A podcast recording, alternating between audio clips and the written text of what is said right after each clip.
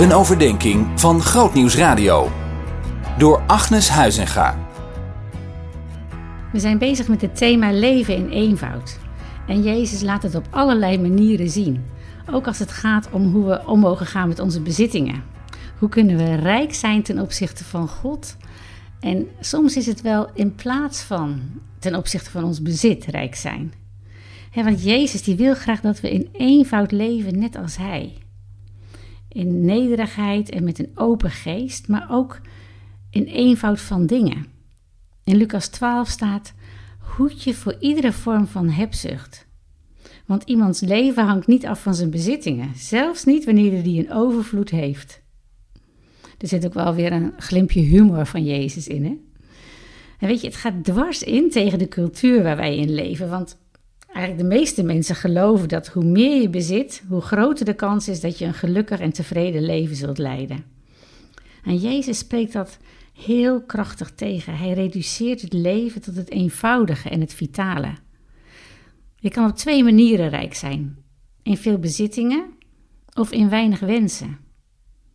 Als je tevreden bent met wat je hebt, leer je om rijk te zijn. Het verhaal gaat van een zendeling die een nieuwe collega verwelkomt.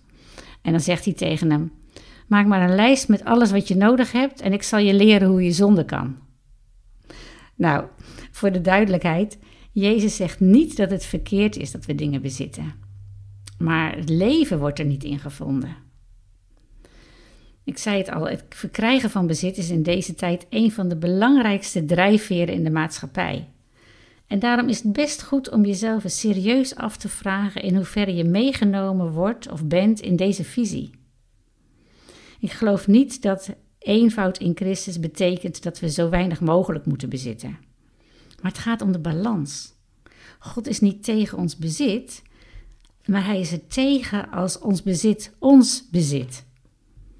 dus check eens bij jezelf. Laat jij je bepalen door je bezit en wensen? Hoe vrij ben je daarin? De eenvoud in Christus is vooral een mindset, een houding, waarin de dingen die je hebt jou niet hebben. die zijn jou niet de baas. Wie zit er achter het stuur, zou je kunnen zeggen? Je bezit of jij?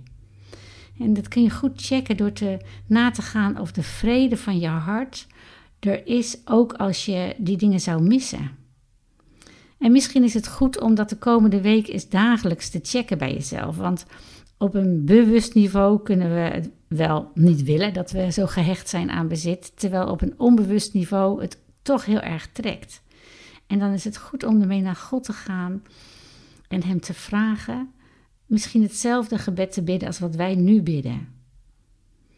Vader, wat wordt het leven complex als we veel materiële dingen moeten verzorgen en veiligstellen. Help me om te zien dat wat ik ook heb, het is van u gekomen. Ik ben een oppasser en geen eigenaar.